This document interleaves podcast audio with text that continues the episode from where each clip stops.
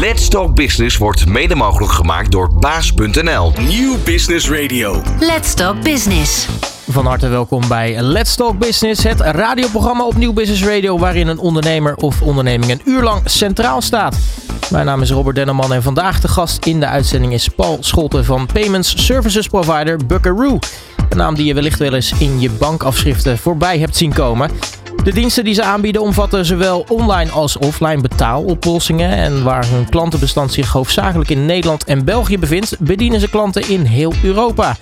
De afgelopen vijf jaar zijn voor Buckaroo van groot belang geweest. Zo hebben ze een omzetgroei van 250% gerealiseerd. Zowel door organische groei als strategische overnames. Waardoor ze nu inmiddels de derde grootste payment services provider van Nederland zijn. En daarvoor ga ik tijdens deze Let's Talk Business in gesprek met Paul Scholten, CEO van Buckaroo. Ondernemende mensen, inspirerende gesprekken, innovaties en duurzaamheid. Let's Talk Business. Met Robert Denneman. Ja, Paul, een eh, hele goede morgen. Goedemorgen Robert. Welkom in de uitzending. Uh, Buckaroo, um, een naam. Ik hoorde, ik mocht deze Let's Talk Business doen. Ik denk, verrek, ik ken die naam. Dus ik ben eens even mijn bankafschriften gaan, uh, gaan zoeken. En ik dacht, verrek, daar hebben we hem. Ja, nou, dat is niet gek. Want uh, wij doen in Nederland ongeveer 10% van het ideal verkeer. dus het is niet zo vreemd dat je bij ons terechtkomt.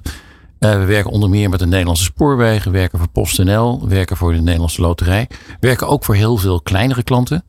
En doen dat eigenlijk zowel op het gebied van online betalen. En ik zal zo even uitleggen wat doet een PSP nou eigenlijk. Want het klinkt natuurlijk heel mooi payment service provider. Maar wat doen we nou eigenlijk? Maar we werken op dit moment ook voor uh, winkeliers die terminals nodig hebben. Betaalterminals. Ja. Om even nou ja, in te gaan op wat doet een PSP nou eigenlijk. Mm -hmm. PSP is, uh, nou in Nederland is het eigenlijk ontstaan zo rond 2005 met de opkomst van Ideal. Nederland was daar eigenlijk heel, al heel snel mee dat we een betaaloplossing hebben gevonden die voor online betalen heel goed was.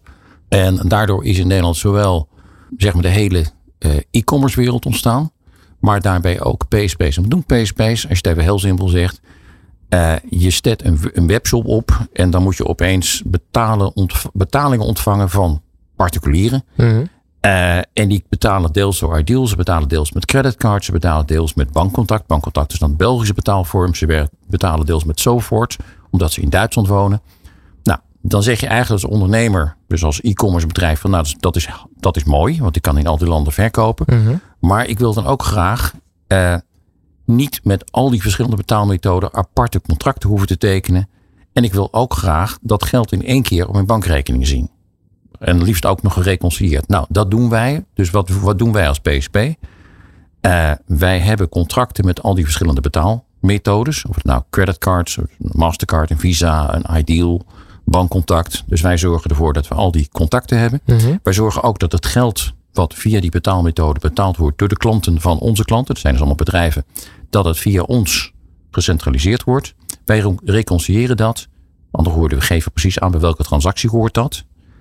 En we zorgen dat het geld zowel gerapporteerd wordt aan de klant van aan onze klant als het op zijn bankrekening komt. Dus eigenlijk het is een service om het voor in eerste instantie e-com bedrijven en later ook veel grote bedrijven mogelijk te maken om op makkelijke manier online te betalen. Daar hebben we inmiddels aan toegevoegd door de overname van CPay dat we ook uh, aan klanten uh, terminals kunnen aanbieden en betaal, betaaltransacties in de winkel. -hmm. Nou, wat we daarmee kunnen doen, nou, we kunnen tegen een klant zeggen van nou, jij betaalt, je hebt een deel van je omzet doe je in de winkel, een deel van de omzet doe je online. En wij kunnen dat allemaal bij elkaar voegen en we kunnen in één keer je totale omzet aangeven en ook in één keer uitbetalen. Dus het is niet meer en niet minder dan dat. Uh, als je in Nederland kijkt, zie je eigenlijk dat Nederland een hele goede PSP activiteit heeft. Uh, grote concurrenten die we hebben, zoals een Adyen, een Molly, een P, een Multisafe Pay. Mm -hmm. Um, en dat zijn allemaal hele, zeg maar, hele mature, hele goede bedrijven. Dus het is op zich best competitief. Nou, daar weten wij ons redelijk overeind te houden. Met aan de ene kant als grote concurrent Adyen voor de grote klanten. En voor de kleine klanten met name Molly. Dat zijn allebei hele goede concurrenten. En dat houdt ons ook scherp.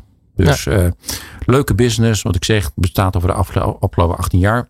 Buckaroo toevallig ook. Buckaroo is in 2005 begonnen. Uh, bestaat nu 18 jaar. En is in die tijd eigenlijk uitgegroeid tot, nou ja, wat je net ook zei, de nummer 3 PSP in Nederland. Met name actief in Nederland en in België. Um, en waarom die keuze? Um, Nou, eigenlijk omdat we onze klanten zo goed mogelijk willen bedienen in die beide landen. Uh, ook omdat, als je kijkt naar de markt als geheel, maar daar komen we straks op, zien we een tendens naar centralisatie en daar kom ik, daar kom ik zo op. Ja, ja, als ik het zo hoor, eigenlijk uh, voor jullie klanten, de ondernemers, uh, vergemakkelijken jullie eigenlijk het al vergemakkelijken van betalen van, van de klanten. Je ja, zijn eigenlijk de dat klopt. Vermakkeling van, vermakkeling van vermakkeling eigenlijk. Ja, ja, dat is eigenlijk dat is heel goed uitgedrukt. Wij zorgen ervoor dat, het voor, dat we een hoop van de complexiteit van e-commerce aan de betaalkant eigenlijk uit handen nemen van de ondernemer. Wij werken ook alleen met ondernemers, of eigenlijk met bedrijven. Wij werken niet met particulieren. Onze klanten zijn eigenlijk alleen maar B2B. Mhm. En dat kan gaan van hele kleine klanten. Dus gewoon echt de, de winkelier op de hoek met één of twee terminals. Of de kleine webshop tot hele grote klanten als een Nederlandse spoorwegen. Nou, nu uh, zitten we dus in uh, de, de Payment Services Providing Business. Um, uh, dat is niet helemaal jouw achtergrond, hè, Paul? Want jij komt voornamelijk uit het bankaire wezen. Ja, ja ik kom uit het bankaire wezen. Ik ben, nou, toen ik, toen ik afstudeerde, had ik me voorgenomen in het buitenland te gaan werken. En toen ben ik bij een aantal bedrijven langs gegaan. En dat was, dat was het rijtje, het bekende rijtje van een Philips, een Shell, toen de tijd ABN. En toen ben ik bij de partij gaan werken die ik mij het eerst aannam. Dus vandaar dat ik in de bank terechtgekomen ben.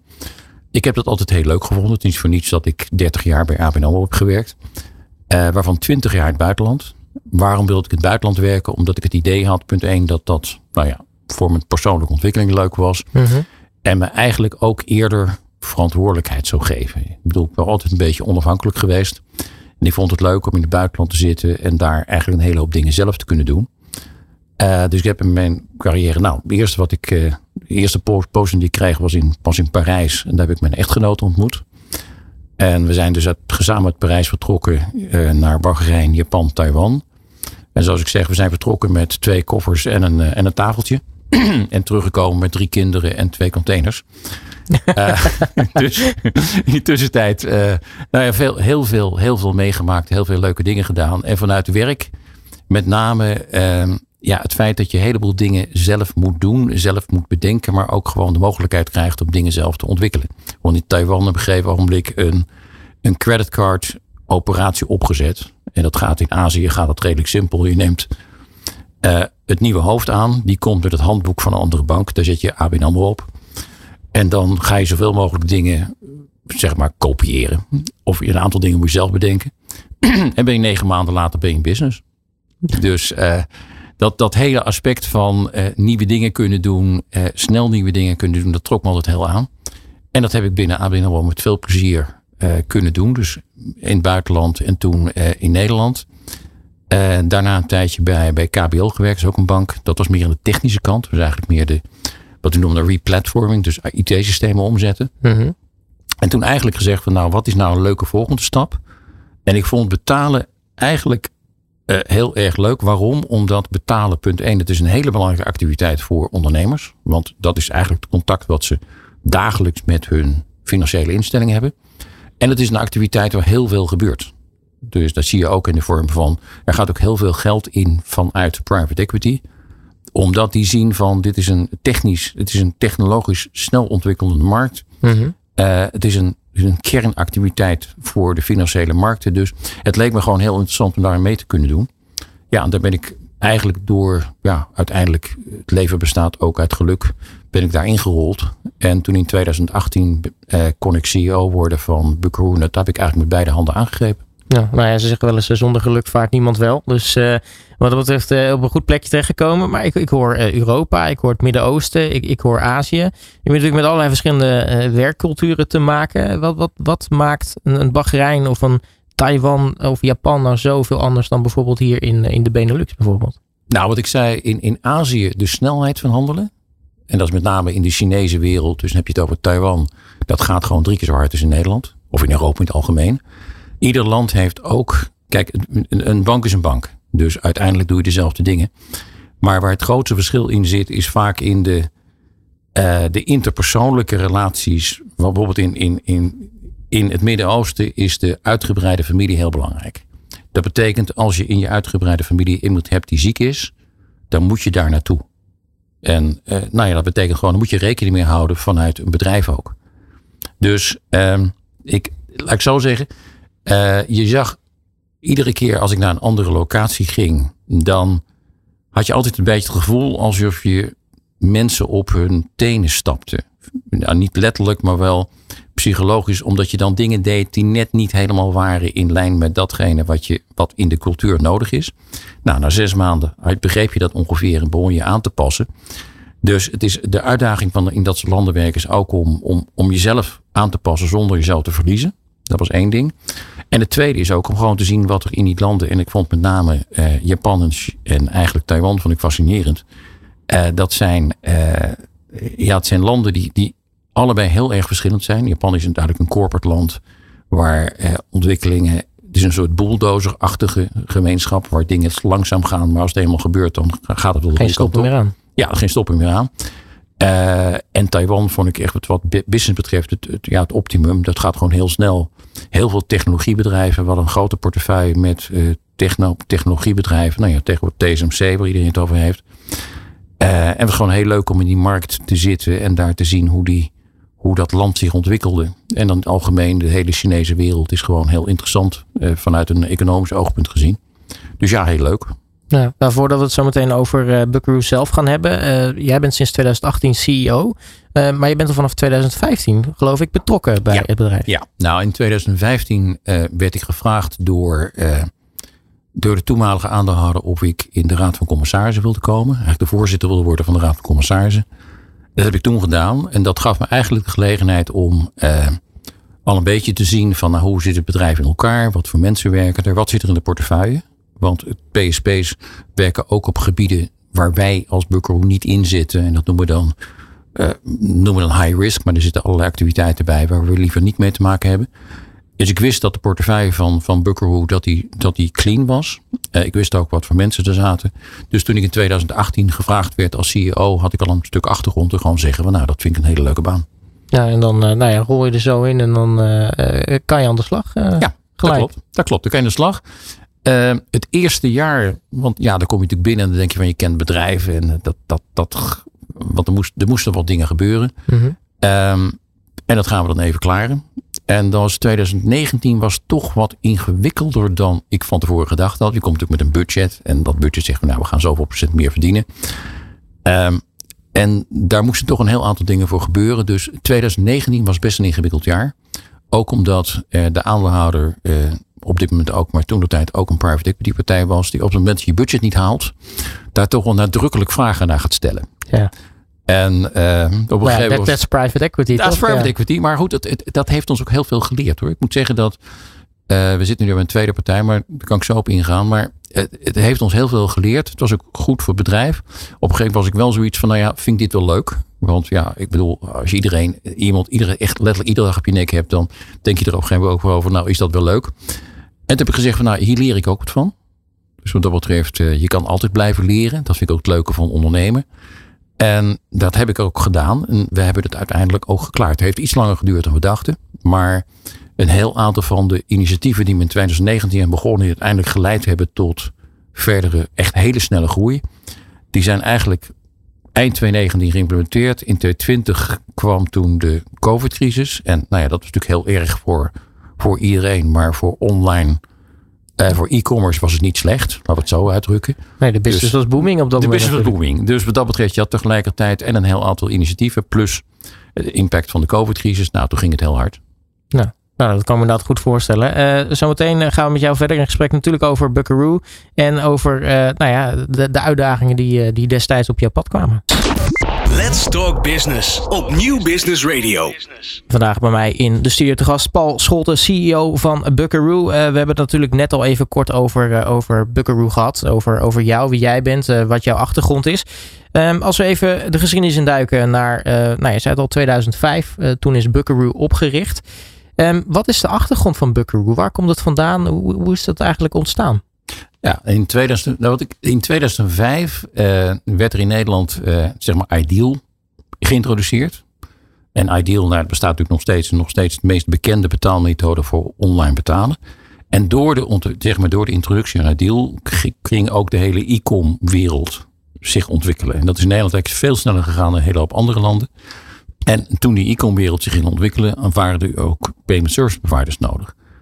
Ehm, een heel aantal van de payment service providers die nog bestaan, dan heb je het over een, een, een Molly, uh, een Buckaroo, een, een Pay, Multisafe.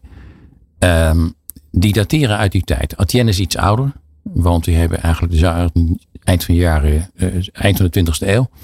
Maar de meeste PSP's dateren uit die tijd en komen inderdaad voort uit de behoefte van de e-com ondernemers om een deel van hun complexiteit uit handen te laten nemen. Uh, Buckaroo ook. Buckaroo is opgericht in eerste instantie door een ondernemer. Um, en die heeft het bedrijf uh, zeven jaar lang goed ontwikkeld. Heeft toen Buckaroo verkocht aan een Zweedse partij, Interim Justitia. Um, en Interim heeft de Buckaroo voor vijf jaar lang gehad. Tot het moment dat Interim ging fuseren. Um, en toen eigenlijk zei van nou we gaan nu alleen focussen op, op uh, hun kernactiviteit. Toen hebben ze uh, Buckaroo uh, verkocht. En toen is het Buckaroo bij um, een Franse private equity partij teruggekomen. Uh, voor weer een periode van zeg maar vier jaar. Om uiteindelijk in 2021 verkocht te worden aan de huidige eigenaar. En dat is ook toevallig weer een Franse private equity partij. Die de Kingside Capital. die sinds zeg maar, begin 2022 onze eigenaar is. Ja, nu uh, heb jij een grote geschiedenis met Frankrijk. Is het dan ook uh, nou ja, interessant om met een Franse partij te schakelen, zo'n zo private equity? Nou, dat is een goede vraag. Het is, het is, op zich, het is niet de reden dat, dat de aankoop is gedaan. Want ik bedoel, in beide gevallen was het eigenlijk hun eigen keuze. Het is wel handig om de Franse cultuur te begrijpen. Ja, de Franse achter... werkcultuur is ook heel anders ja, dan we in Nederland ja, gewend zijn. Ja, hè? ja het is, laat ik zo het wel grappig, want ik moest af en toe uitleggen dat in Nederland je niet gewoon als baas kan zeggen: we gaan die doen en dan leg je dat op. Dat werkt niet. Je moet in Nederland inderdaad ook van tevoren overleggen. En iedereen moet zijn, uh, zijn, zijn punt kunnen maken over een bepaalde beslissing. En dat werkt toch anders in Frankrijk. Dus het kunnen uitleggen van uh, ja, hoe Nederland werkt, hoe Frankrijk werkt. Dat is wel belangrijk. Het is af en toe ook handig om Frans te spreken. Dat werkt ook af en toe best makkelijk, want het is toch iets makkelijker communiceren. Dus ja, maar het is niet de reden dat we op dit moment eigendom zijn. Die keuze kan ik niet maken. Ja. Dat we eigendom zijn van de Franse partij. Maar ik moet zeggen, het, is een, uh, het was voor mij ook een, een, een, ervaring om te kijken wat je eigenlijk kan leren van een, uh, een eigenaar als een private equity partij. Ik moet zeggen, voor een bedrijf als Buckaroo was het eigenlijk heel goed. Ik vertelde net over 2018, 2019. Toen de toenmalige aandeelhouder uh, ja, toch best pushte om een aantal dingen door te zetten. Nou, dat was heel goed voor het bedrijf. Want daardoor zijn we uiteindelijk in 2020 en daarna heel snel gaan groeien. Uh, hebben ons ook ondersteund bij de, toen de toenmalige eerste overname. We hebben toen een, kleinere PSP overgenomen in Nederland. In 2020. En met de nieuwe partij, dus uh, Keenside. Uh, ja, die zijn heel goed in het ondersteunen van bedrijven die al groeien. Die winst maken. En die naar een hoger niveau krijgen. Eigenlijk door een combinatie van organische groei en overnames. En uh, toen Kienzuiters net overgenomen had, hebben we letterlijk twee maanden daarna uh, CP gekocht. Het was een partij die terminals doet. Terminals in winkels. Daarbij behoren de betaaltransacties.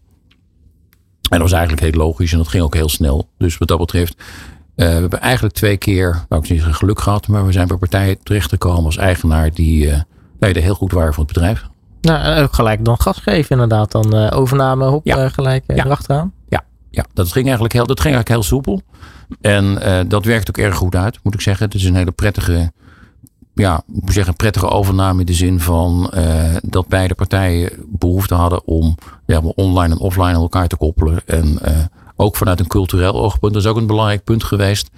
Wat is er eigenlijk in die tijd goed gegaan? Of wat heb ik heel leuk gevonden? Is het feit dat we met een eigenlijk met Buckaroo begonnen zijn. En als je het even heel simpel bekijkt, met een heel veel van dezelfde mensen nog steeds in hetzelfde bedrijf zitten. Alleen het bedrijf is wat groter gegroeid. En dat ja. komt natuurlijk deels door, door overnames. Dat komt deels door het gewoon aannemen van mensen. Maar het grootste gedeelte van het oorspronkelijke team, dat zit er nog. Dus het geeft ook aan dat je met een bedrijf, door goed samen te werken, door een, een goede werkomgeving neer te zetten. En dat was natuurlijk ook heel belangrijk tijdens de COVID-crisis want het was best ingewikkeld. Je moest mensen eerst eerste instantie naar huis sturen. En toen bleek toch dat we met relatief veel jonge mensen werken. Ja, die het toch best ingewikkeld vonden om in eentje op een achterkamertje te blijven zitten en niemand meer te zien. Hebben we ook gezegd, nou ja, we hebben zoveel ruimte. Dan kunnen bepaalde mensen, als ze echt nodig is, met alle inachtneming van alle eh, uiteraard van alle maatregelen kunnen ze een aantal dagen per week wel op kantoor werken. Dus die flexibiliteit hadden we. En eh, nou ja, dat is ook heel belangrijk geweest om. Uh, want een bedrijf bestaat gewoon toch uit mensen. Om te zorgen dat we ja, de mensen bij elkaar hielden. En dat we gezamenlijk een nieuw zeg maar, bedrijf hebben kunnen uitbouwen. Ja, ja dus uh, nou als ik goed begrijp, de, de, harde kern, zeg maar, die, die zit er nog. Ja. Um, uh, hoe zit het eigenlijk met, uh, met medewerkers? Want ja, Buckaroo, hoe groot is het? Waar moeten we eigenlijk aan, aan, aan denken? We hebben nu 160 man. Ehm, nou, dat is een middel, middelgrote MKB. Daarvan zitten er ongeveer 100 in Utrecht. Dan hebben we 30 mensen die werken in Den Haag. Dat is de oorspronkelijke CPay. Daar hebben we gezegd van nou, die, die werken en wonen vaak vanuit de Den Haag-regio. Dus nou ja, dat, die blijven gewoon vrolijk werken waar ze nu werken. Dan hebben we nog een, een verkoopoffice in Brussel van een paar mensen. En we hebben uh, inmiddels een ontwikkelafdeling opgezet in Kosovo, in Pristina, uh, van 30 man. Dat is ook niet naast de deur trouwens. Dat is niet naast de deur, maar ook wat minder ver dan bijvoorbeeld in India. Nou, we hadden eigenlijk wel zo grappig, want we, hadden eigenlijk de, we waren op zoek naar een, het opzetten van een eigen ontwikkelafdeling. We hadden, zoals heel veel bedrijven, uh, externe krachten in eerst in Oekraïne en daarna in Roemenië. Nou, dat werkte toch wat minder goed. Toen dachten we, nou, we willen eigenlijk een eigen ontwikkelafdeling opzetten. Want het is in Nederland gewoon heel moeilijk om, om IT'ers te krijgen. Um, om onze capaciteit uit te breiden. Want we hebben de IT'ers die we in Nederland hebben, hebben nog steeds wel zitten. Maar we wilden nieuwe mensen aannemen. Het is eigenlijk begonnen we in eerste instantie in Portugal. Nou, dat is heel, heel iets anders dan Kosovo. En daar bleek eigenlijk dat er al te veel te veel concurrentie was. Hm. Heel veel Amerikaanse bedrijven zitten daar. Dus het was ingewikkeld de mensen aan te nemen. Toen liepen we toevallig, kwamen in contact met een, een recruiter in Kosovo. Die zegt van nou, hele goede technische universiteit. Ik heb een aantal mensen die willen bij jullie komen werken. Want we wilden een eigen afdeling opzetten. Dus een eigen bedrijf opzetten, mensen direct aannemen. En daar zijn we begonnen in oktober vorig jaar. Binnen een week hadden we een bedrijf opgezet. Binnen twee weken hadden we een pand gevonden. En binnen drie weken was de eerste medewerker binnen. Dus dat is ook het leuke van uh, werken in, in Centraal-Europa. Het gaat gewoon heel snel. Ja. Dus, en we hebben nu 30 mensen werken in Kosovo die, nou ja, zeg maar, punt 1, uh, nou, het is belangrijk een hele goede technische achtergrond hebben. Want ja, daar zitten ze voor. Mm -hmm. Maar ook goed Engels spreken, uh, goede werk, uh, werkethos hebben. Er wordt ook heel hard gewerkt. En zij vindt het ook leuk. Ik ben in januari daar geweest voor de officiële opening door de Nederlandse ambassadeur in Kosovo. Uh, dan samen in Kosovo zitten. En nou, wat je merkt is dat het voor onze medewerkers in Kosovo, die vinden het ook heel leuk, want die kunnen nu bij een, ja, buitenlands bedrijf werken zonder dat ze hoeven te emigreren naar het buitenland. Ja. Dat is natuurlijk het probleem in Kosovo. Dat heel, als je een, een baan wil hebben, dan moet je vaak naar het buitenland. Nou, er zijn best een aantal mensen die willen gewoon in Pristina blijven werken. En dat kan nu. Dus ja. het is van beide kanten een leuke. En we hebben inmiddels ook een, een nieuw pand moeten huren, want we hadden te veel mensen. Dus, uh, ja, over goede gesproken, dan ga je wel de goede kant op natuurlijk. Ja, nou, dat kwam ook een beetje omdat we dachten eigenlijk dat, in, dat in, net als in Nederland mensen 50% thuis zouden willen werken. Want doen we natuurlijk in Nederland zeggen we twee dagen, twee dagen thuis, drie dagen op kantoor. En dat blijkt eigenlijk in Kosovo dat ze allemaal op kantoor wilden werken. Dus uh, ja, dat betekent dat je gewoon meer, meer seats nodig hebt. En we hebben een nieuw kantoor gehuurd. Als we kijken naar het, het klantenbestand uh, van uh, Buckaroo. Nou, je noemde al een aantal namen. Hè. Je noemde een NS, PostNL. volgens mij Picnic zit er ook tussen. Picnic maar ook de, de winkelier om de hoek. Ja. Hoe is het om met al die verschillende partijen te schakelen? Want nou ja, een, NS is natuurlijk een hele grote partij. Um, lijkt me misschien soms wat logger dan bijvoorbeeld nou ja, de winkelier inderdaad om de hoek. Die, die zelf ja. beslissingen kan maken. Nou ja, we hebben natuurlijk, we hebben, als je het even heel simpel ziet. We hebben eigenlijk twee typen klanten. Hebben de, wat we dan zelf noemen de, de managed accounts, de enterprise klanten. Dat zijn dus de grote klanten waar je het net over hebt. Die hebben een, uh, een aparte relatiebeheerder. Uh, en dan hebben we de, de kleinere klanten. Die kunnen, dat kunnen de webshops zijn of de kruidenier op de hoek. En die bedienen we vaak op afstand. Die kunnen wel bellen uiteraard. Maar uh, daar hebben we geen apart relatiebeheerder voor. Dat gaat ook veel sneller. Die zijn ook veel meer afhankelijk van zeg maar alles wat online is. Online onboarding. Uh, contacten via het callcenter. Dus wat dat betreft, dat is een iets andere aanpak. Uh, en als je kijkt, we hebben in totaal iets van 30.000 klanten. Daarvan zijn er ongeveer 500 echt grote klanten. En zeg maar 29.500 kleinere klanten. En wat je zegt, bij een kleine klant, bijvoorbeeld bij, uh, bij CPay, dus de partijen gekocht hadden. Eh, die, kon, die kunnen nog steeds binnen één dag een terminal uitleveren. Dus je kan zeg maar onboorden bij CPay. Dat kan in een dag. Mhm. En heb je de dag erop heb je je terminal binnen. Dus dat is een hele andere. Eh, terwijl je als je een grote klant hebt en die komt over, dat kan best een tijd duren voordat die alle systemen gekoppeld hebben. Ja. Gewoon omdat het ook een complexere zaak is. Ja.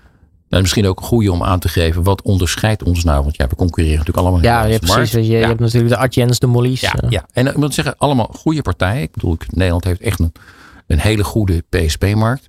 Wat onderscheidt ons van eh, een Adyen bijvoorbeeld? Eh, kijk, je moet bij Adyen moet je een hele grote klant zijn. Wil je eh, service krijgen op een niveau dat, we, dat wij al kunnen bieden aan wat kleinere klanten? Dat is heel simpel. Als je in Nederland een, als je Nederland een fors bedrijf bent, dan krijg je een, zeg maar, als er een probleem is, krijg je iemand in de telefoon in Utrecht. Eh, als je dat bij Adyen doet, dan is dat wat ingewikkeld, omdat die gewoon hele grote klanten hebben. Het is wel zo, kijk, als je, wij bedienen klanten in heel Europa, maar niet in Noord-Amerika en ook niet in Azië. Dus Ja. dat maakt wel een onderscheid.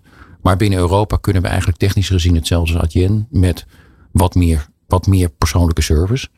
Ook op het gebied van, eh, zeg maar, je moet uiteindelijk, als je binnenkomt, moet je altijd ook een koppeling met ons krijgen. Mhm. Nou, daar kunnen wij wat, wat makkelijker mee zijn bij grote klanten dan bijvoorbeeld een bedrijf als Adyen, wat gewoon in heel veel landen werkt en dus een veel strakkere eh, technische opzet moet hebben. Ja. Dus dat verschil met Adyen, het verschil met Molly, dat ligt iets anders. Wij, eh, punt 1, we hebben op dit moment een, een betere propositie op het gebied van online en offline. Molly heeft ook net offline geïntroduceerd, dus de, de terminals. Maar daar zijn ze net mee begonnen. En we hebben natuurlijk via CP hebben we al een 20.000 terminals in de markt staan. En dat is het ene, eerste verschil. Het tweede verschil is we proberen ook eh, iets meer persoonlijke service te bieden dan eh, wat Molly op dit moment doet. En we kunnen ook iets flexibeler zijn op een aantal gebieden. Dus wat dat betreft het, hetzelfde aspect, ook een beetje het service aspect. Ehm, waarbij eigenlijk de, zeg maar, de kracht van de, zeg maar, een Adyen en een, en een Molly, dat is dat ze één systeem hebben en daardoor ehm, ja, aanbieden wat ze aanbieden. Mhm. Daar kunnen wij wat makkelijker in zijn. En we kunnen iets meer service aanbieden. En dat werkt goed. Dat werkt met name eh, zowel voor de grote klanten als voor de kleine klanten werkt dat best goed. Nu ben ik eigenlijk wel benieuwd, want eh, nou ja, als ik jouw geschiedenis erbij pak, volgens mij ben jij inderdaad wel een man die houdt van, eh, van wat uitdagingen. Je gaat niet voor niets aan de andere kant van de wereld zitten. Ehm, wat, wat vind jij nou de, de, de leukste klanten om te bedienen? Waar ligt voor jou nou die, die uitdaging, die incentive, waar je ziet van ja, dat, dat, dat vind ik leuk. Nou, dat zijn eigenlijk, als je kijkt naar, eh, en ik kijk nu vanuit het, vanuit het bedrijf, vanuit, vanuit Buckaroo. Dat zijn eigenlijk klanten die wat, een wat complexere, ehm, als je naar de grote klanten kijkt, dus niet over de, niet over de SME-klanten, de grote klanten kijkt, zijn de klanten die wat meer complexe uitdagingen hebben. En dus meer verschillende producten gebruiken. Ehm, wat wij bijvoorbeeld aanbieden, we betalen niet, bedienen niet alleen puur de betalingen, maar we doen ook, en doen we bijvoorbeeld voor Videoland en voor, eh, voor Swapfiets, we doen ook het opvolgen van eh, herhaalbetalingen. Dus je een abonnement hebt, dat kan natuurlijk voorkomen dat op het moment dat je een automatische incasso krijgt, dat je dan te weinig geld op je rekening moet staan. Nou, dan zorgen wij ervoor dat we die opvolging ook doen. Dus het gaat, waar wij goed in zijn, is het combineren van, van allerlei functionaliteiten om precies datgene te leveren wat een klant nodig heeft. En het kan dus betalingen zijn, dat kan wat, wat we dan noemen het credit management stuk zijn. Dat kan zijn dat we voor bepaalde klanten die bijvoorbeeld een franchise hebben ook split payment kunnen doen. Dus dat we betalingen kunnen uitsplitsen. Dus eigenlijk de, interessante klanten voor ons zijn de klanten die, die net iets meer nodig hebben dan puur betalen. Want ja, puur betalen is uiteindelijk gewoon een commodity. Eh, en daar zal je het op onderscheiden. Is, het gaat er met name om dat je iets meer aanbiedt dan alleen de betalingen. Ja. Dat zijn voor ons de meest interessante klanten. Ja, dat is echt het, het op maat maken van de betaaloplossing specifiek voor die klant. Daar, daar ligt, daar, daar, dat vind jij de leukste uitdaging. Ja, ja, waarbij het wel zo is dat we natuurlijk eh, wat we aanbieden, dat, dat doen we natuurlijk wel enigszins gestandardiseerd. Maar het combineren van al die verschillende functionaliteiten, dat is echt iets waar wij beter in kunnen zijn dan heel, een hele hoop andere partijen. Nou, interessant om te weten in ieder geval. Eh, zometeen gaan we in gesprek natuurlijk over een hele interessante periode. Zeker ook voor e-commerce. Namelijk eh, de coronaperiode. Dat is natuurlijk ook een periode waarin er eh, veel groei werd behaald. Let's Talk Business op Nieuw Business Radio. Nog steeds in de studio Paul Scholte, CEO van Buckaroo. We hebben net al een klein beetje meer gehoord natuurlijk over het bedrijf. Wat, wat ze onderscheidt van hun concurrentie. Wat, het, hoe het klantbestand eruit ziet. Want dat is natuurlijk ook interessant als je zoveel verschillende soorten klanten mag bedienen. Um, laten we nu even kijken naar, ik denk voor de hele wereld sowieso, een hele interessante periode. Het begon in 2020, corona. Ineens lag de hele wereld plat. Maar ja. e-commerce ja, ging natuurlijk ontzettend booming. Ja, en e-commerce, payment, PSP's, payment services providers, is natuurlijk eigenlijk een beetje hand in hand. Dus ook voor jullie denk ik een hele interessante periode geweest. Ja, nou ja, het is inderdaad. Uh, het begon natuurlijk mee dat, dat net als de rest van de wereld we geconfronteerd worden met, werden met het feit dat iedereen naar huis ging. Ik bedoel, was, ik kan me steeds herinneren, we hadden, toen het begon, zich begon te ontwikkelen, hadden we één week lang getest om te kijken of iedereen inderdaad wel zijn, uh, uh, zijn laptops thuis aan de gang kon krijgen. Dat is weer erg handig trouwens. Dus we hadden dat een week getest met een beetje één dag op kantoor, één dag thuis. Toen was dat, nou ja, aan het eind van die week kwam de mededeling van de overheid van nou, nu gaat iedereen naar huis. Um, dus hebben we inderdaad twee, twee maanden lang volledig thuis gewerkt. Ja, en toen begon het, toen begon het eigenlijk een beetje het, het circus van e-com. Uh, het begon ermee dat, er allerlei, dat iedereen uh, bloemetjes ging sturen uh, online. Nou ja, natuurlijk niet online bloemetjes, maar de betalingen gingen wel online. En de, de, de, de aankopen ook. En dat ging echt om gigantische aantallen. Toen gingen ze allemaal, zeg maar, home and garden. Dus nee, Ikea en een heel aantal andere partijen gingen ze bestellingen doen. En dat zelf ophalen. Toen gingen de tuincentra. Dus je zag inderdaad dat heel veel activiteiten zich heel snel verplaatsten vanuit uh, normaal inkopen in de winkel naar, naar online. Nou, daar hebben inderdaad uh, de PSP's van, uiteraard de e-com bedrijven en de PSP's van geprofiteerd. Dat heeft geleid tot ehm, ja, in 2020 en 2021 een hele sterke groei. Als je het echt over een groei in aantallen transacties van 30, 40 procent per jaar. Dus dat was gigantisch. Uh, en dat speelde bij ons natuurlijk ook. Uh, dus we hebben in 2020, 2021, nou ja, heel eerlijk, gewoon geprofiteerd van die groei. En toen was het ook interessant om te zien wat gebeurde er toen in 2022. Want ja, iedereen had natuurlijk zijn budget gemaakt op 2022. Nou, ja. En wat je dan doet met een budget, dan ga je naar jaren ervoor kijken en dan pak je een spreadsheet en zegt van nou, ik heb afgelopen jaar 30% gegroeid.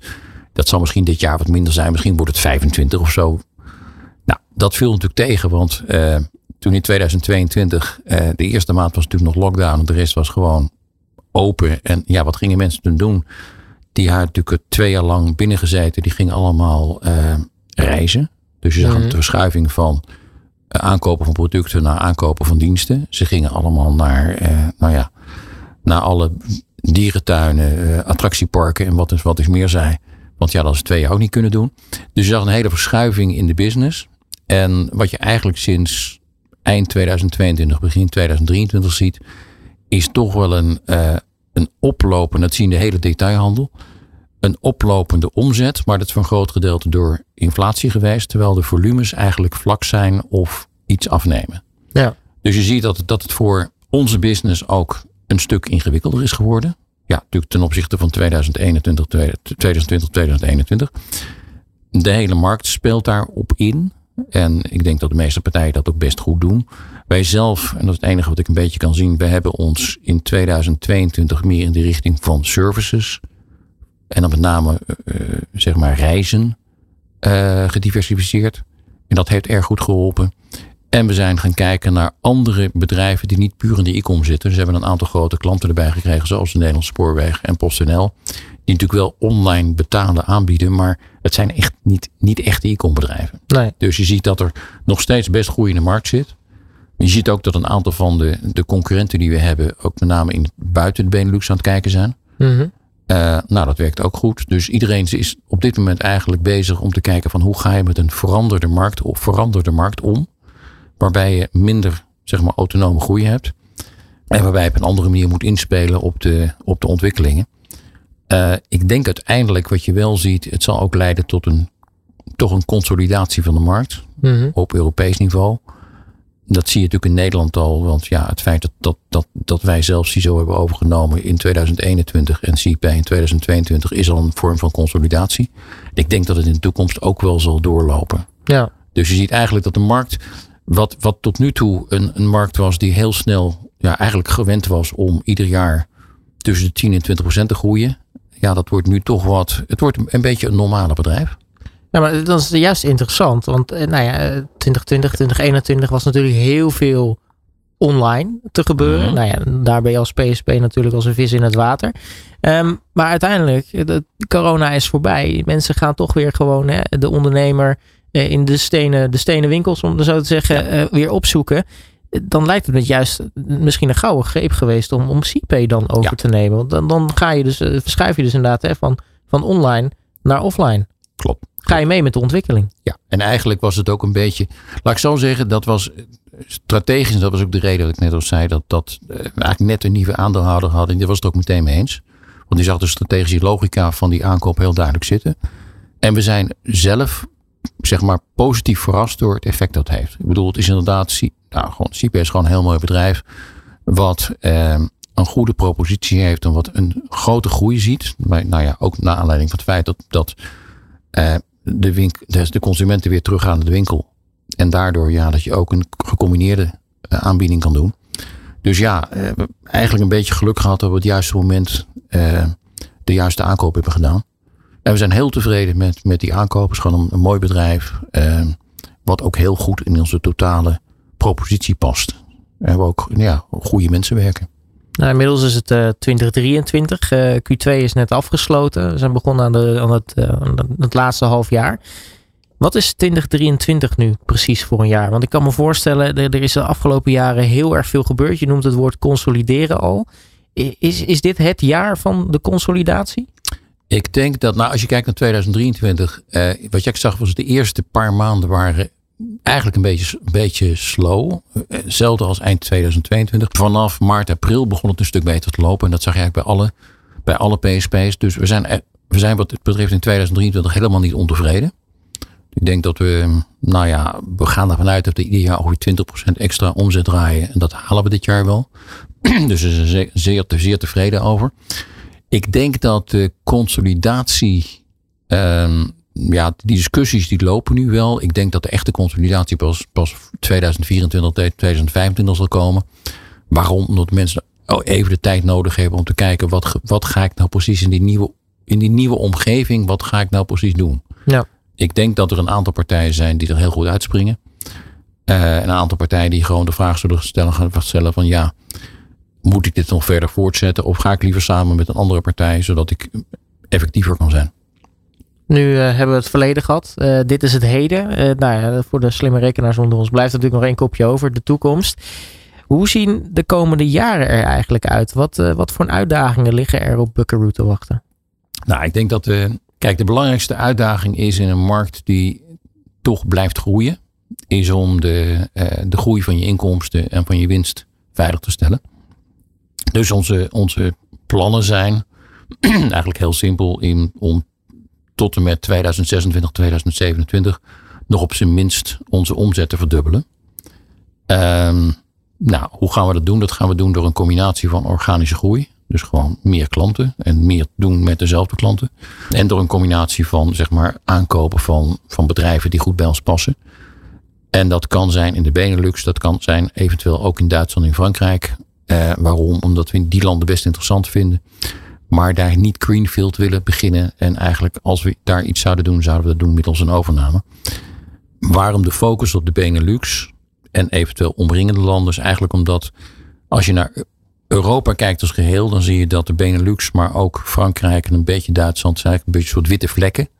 Waar maar weinig hele grote partijen actief zijn. Met de uitzondering van Worldline zijn eigenlijk in al die landen de grote partijen wat minder actief. Dus eh, als je kijkt naar de toekomst van PSP's, denk ik dat je uiteindelijk toch op Europees niveau een consolidatie zal zien. Nou, daar zouden wij ook best een rol kunnen spelen als Buckaroo. Dus we zouden onderdeel kunnen worden van een grotere partij. Of we zouden zelf nog steeds door kunnen groeien. Die keuze hebben we nog steeds zelf. Als we onderdeel zouden willen worden van een grotere partij, dan moeten we in de Benelux en eventueel in wat omringende landen zo groot worden. Dat we eigenlijk voor onszelf, maar ook voor onze medewerkers hun toekomst kunnen garanderen. En dan moet je ja, een bepaalde grootte hebben, een bepaalde marktaandeel hebben in die landen. Dus we gaan niet in tien verschillende landen zitten. Ehm, we gaan met name focussen op maximaal vier landen. Om te zorgen dat we daar een goede, een goede marktpositie hebben. En ook waarde hebben voor een eventuele overnemende partij. En dat kan. Over een aantal jaren kan dat een, een, een volgende private equity partij zijn. Om daar nog verder mee door te groeien. Dat kan ook een, wat we noemen, een strategische investeerder zijn. Die Mhm. op een gegeven moment zegt van nou, ik zit niet in de Benelux. Ik zit niet in Frankrijk. En jij past heel goed bij mij. Maar dan kunnen we dat samen doen. Nou, ik hoor eh, organische groei, ik hoor eh, overnames. Eh, nu heb je ook al verteld deze uitzending dat er in Kosovo een, een research afdeling eh, zit. Gaan, eh, gaan, de, gaan de Kosovaren nog met iets moois uit de ooghoed komen? Nou, de Kosovaren zijn, eh, dat is één, één ding waar we aan gewerkt hebben de afgelopen maanden al. Eh, die hebben onder meer meegewerkt op wat we dan noemen pay by bank. Nou, pay by bank, nou eventjes technisch. Je hebt in Nederland Ideal. Maar er bestaat ook iets wat we dan PSD2 noemen. PSD2 is een regelgeving die al een aantal jaren geleden uitgevaardigd is door de Europese Commissie. En die voorziet in de mogelijkheid om eigenlijk een vorm van een ideal product uit te, eh, zeg, te introduceren. Maar dan ehm, eh, door dat eigenlijk op een technisch iets andere manier te doen. Ehm, wij hebben Pay by Bank in lijn met PSD2 ontwikkeld. Dat hebben we ook nu in een pilotfase. Nou, dat is eh, specifiek ook ontwikkeld door eh, onze, zeg maar onze ontwikkelafdeling in Kosovo. En daar zijn we op dit moment ook in de, zeg maar de hele verdere ontwikkeling met hem bezig. Dus ja, eh, Kosovo is wat ons betreft heel belangrijk. Eh, eigenlijk als complement op onze bestaande IT-afdeling. Want we houden natuurlijk onze bestaande IT-afdeling ook in Nederland. Maar het feit dat we nu meer capaciteit hebben in Kosovo, dat is gewoon voor een product als, als, als Pay by Bank of andere producten heel belangrijk. We kunnen nu gewoon veel harder gaan. Ja, en tot slot, eh, waar is Paul Scholte over vijf jaar? Nou, dat is een even een goede vraag. Ehm, ik denk zelf ehm, eh, dat ik sowieso eh, deze run met, eh met Buckaroo zal uitmaken. Dus met andere woorden, dat heb ik ook toegezegd aan de aandeelhouder. Dat ik gewoon zorg dat ik nou ja, het bedrijf ook netjes aflever. Ehm, nou, of dat nog drie jaar duurt of nog vijf jaar duurt, dat maakt niet zoveel uit. Dus daar hangt het een beetje vanaf.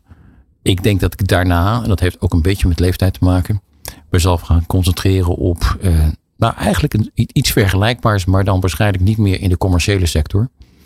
Eh, om eens te kijken of ik mijn, eh, ja, mijn vaardigheden kan inzetten voor andere dingen. Ehm, maar goed, dat, dat zien we allemaal nog wel. Dus in eerste instantie is het een kwestie van verder groeien met Buckaroo en zorgen dat Buckaroo goed terechtkomt. En daarna ga ik even zelf rondkijken. Misschien met de familie nog terug naar eh, Frankrijk? Nou, dat is, dat, dat is ook een argument. Ik bedoel, op dit moment werk ik maandag in Frankrijk en vier dagen per week in Nederland. En ik denk op een gegeven moment is het ook wel leuk om daar wat, eh, wat meer in Frankrijk te zijn. We gaan het allemaal eh, meemaken. Nou, de, de, de tijd zal het leren. Om eh, nog even een, eh, een mooie, mooie uitspraak erin te gooien. Eh, Paul Scholte, CEO van eh Buckaroo. Mag ik je hartelijk danken voor je komst naar de studio. We hebben natuurlijk veel mogen leren vandaag. En eh, heel erg veel succes met alles wat er komen gaat. Hartelijk dank. Van hippe start-up tot ijzersterke multinational. Iedereen praat mee. Dit is New Business Radio.